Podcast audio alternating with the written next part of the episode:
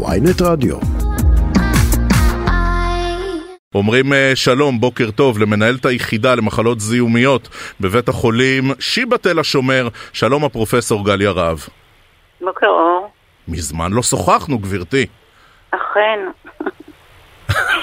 אמ, לא שאני לא נהנה לשוחח איתך פרופסור, ולא שאני לא uh, לומד מכל שיחה ושיחה, אבל הסיבה בגינה ביקשנו אותך על קו הטלפון, זה שמתגלים זנים חדשים של קורונה.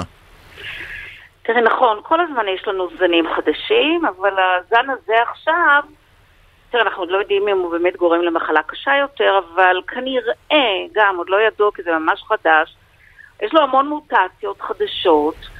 אה, וכן, והוא התחיל אה, להרים ראש.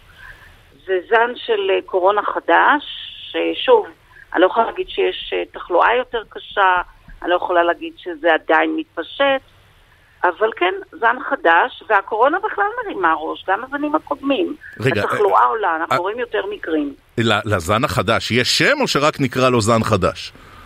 תראה, נותנים להם כל מיני שמות, נותנים לו שם... אני חושבת שאולי הדבר הכי מקובל זה BA286, קוראים לו, יש לו שם גם פירולה, כל מיני שמות נותנים להם, אבל אה, זה... BA286, איפה הוא התגלה בינתיים? תראה, מה שאנחנו יודעים בארץ, א', שהיה כן אה, מקרה, אה, היה מקרה באנגליה, היה מקרה בדנמרק, בארצות הברית, זה מה שידוע.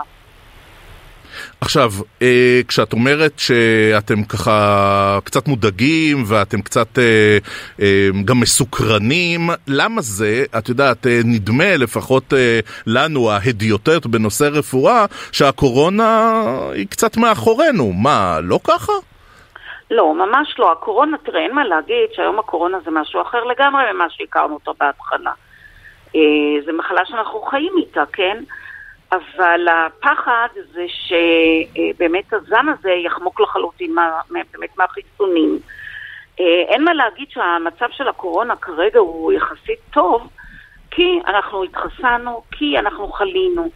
אז מערכת החיסון שלנו מכירה את מרבית הנגיפים, והפחד באמת שיבוא כזה זן חדש, שאנחנו לא נכיר אותו. ואז כמובן עלול להיות, אה, עלולה להיות מחלה קשה יותר ומתפשטת יותר. אמרת לנו קודם, הקורונה מרימה ראש. באיזה אופן? תראה, יש הרבה יותר תחלואה, אני בטוחה שגם אתה רואה סביבך. הרבה אנשים חולים. אה, יש, אה, בארץ אנחנו לא, אני לא יכולה להגיד שאנחנו נורא מרגישים את זה בבתי החולים, אבל יש, יש מקומות שגם רואים את זה, בעיקר בקרב אוכלוסייה קשישה, מרכזים גריאטריים וכולי, באמת הקורונה אה, יותר מתפשטת, ויש מדינות שגם מדווחים על יותר, יותר אשפוזים. אני לא יכולה להגיד עדיין יותר תמותה, אבל יותר אשפוזים. אה, לא שזה נתון אמפירי, אבל את יודעת, לפחות סביבי נדמה שמי שיורד מהטיסות, ואין כמעט ישראלי שלא היה על טיסה בקיץ האחרון, אה, משם קצת אה, מגיעה הקורונה עכשיו לישראל. זה נכון? תראה, אתה צודק מאה אחוז שטיסות כל התקופה, כל התקופה, טיסות זה מקום, מקום סגור, צפוף, הרבה אנשים. אה, בהחלט יש סיכון להידבק בטיסות.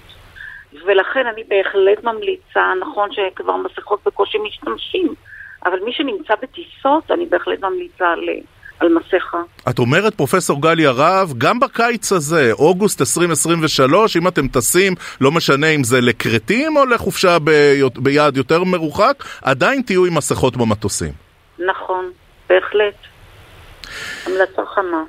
עכשיו, אה, עד, מתי הנקודה שבה אתם המומחים מרימים דגל אדום? זאת אומרת, אה, את אומרת, אוקיי, אנחנו עוקבים בסקרנות אחרי הזן BA286 ואנחנו רואים שהקורונה מרימה ראש, אבל מתי זה השלב שאת מסתכלת על טבלאות האקסל שלך, גברתי, ואת אומרת, אני כבר מחייגת למשרד הבריאות או לגורם אחר?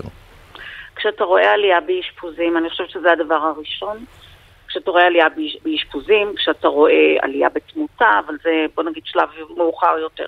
אני חושבת שבאמת הדבר שמפחיד אותנו, שזה באמת יגרום למחלה קשה יותר. וזה בינתיים לפחות אנחנו לא רואים. נכון.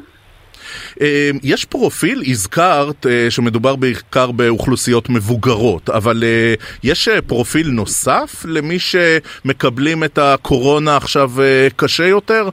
זה יכול להיות מגדר, זה יכול להיות גילאים יותר צעירים, יש משהו?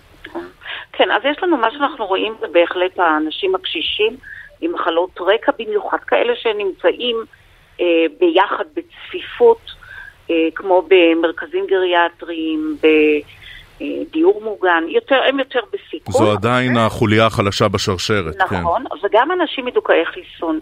אנשים מדוכאי חיסון, אנחנו רואים אותם עוד סוחבים קורונה אפילו ישנה.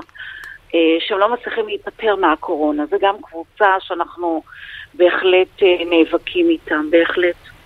עכשיו, אמ, יש משהו שאדם, אה, את יודעת, מהיישוב, כן, שהלך והתחסן ונזהר, ואולי אפילו כבר נדבק וחלה ונדבק שוב, זאת אומרת, יש משהו שאנחנו יכולים לעשות? אנחנו צריכים להימנע ממשהו?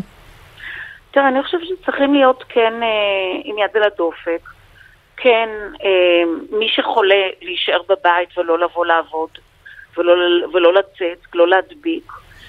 אה, אני חושבת שכן, איפה שיש אנשים אה, שמשתעלים, תתרחק מהם. המלצתה של פרופסור גליה רהב להבוקר, תתרחקו מאנשים משתעלים. אני חושב שזה ממש, זה לקח לחיים, גברתי. בטח, נכון. אה, את יכולה רגע לעזור לי להבין משהו? שוב, אה, אני כמובן אה, הדיוט מוחלט בנושא רפואה ואת המומחית. תגידי, זה, נכון יש אנשים שנדבקים שוב ושוב? זאת אומרת, הם כבר חלו, לא יודע, שלוש פעמים בקורונה, אולי יותר? כן, יש, יש לא מעט אנשים. אתה יודע, בהתחלה נתנו לזה כל מיני שמות לכאלה שלא נדבקים, לכאלה שנדבקים הרבה. אני לא יכולה להגיד שמצאנו איזשהו פרופיל מסוים, מי נדבק הרבה, מי נדבק מעט. אי אפשר לבוא ולהגיד את זה. אני חושבת שזה נורא חשוב. באמת, כמה אתה נחשף, כמה אתה נשמר. אמ, זה יותר באמת אה, כאילו קובע כמה פעמים אתה נדבק. לא איזה שהם דברים ארטילאיים. כן. בדקה שנותרה לנו, את יודעת, לפני כשנתיים, כשהיינו משוחחים, אז uh, ניהלנו ממש קמפיין משותף uh, למען חיסונים, וקראנו לאנשים להתחסן. משהו מתוך הקורונה הזאת שמרימה עכשיו ראש, יש לה קשר לאנשים שכן התחסנו או לא התחסנו, שכן הכחישו את הקורונה, או כן הכירו במורכבות ובסכנה שלה?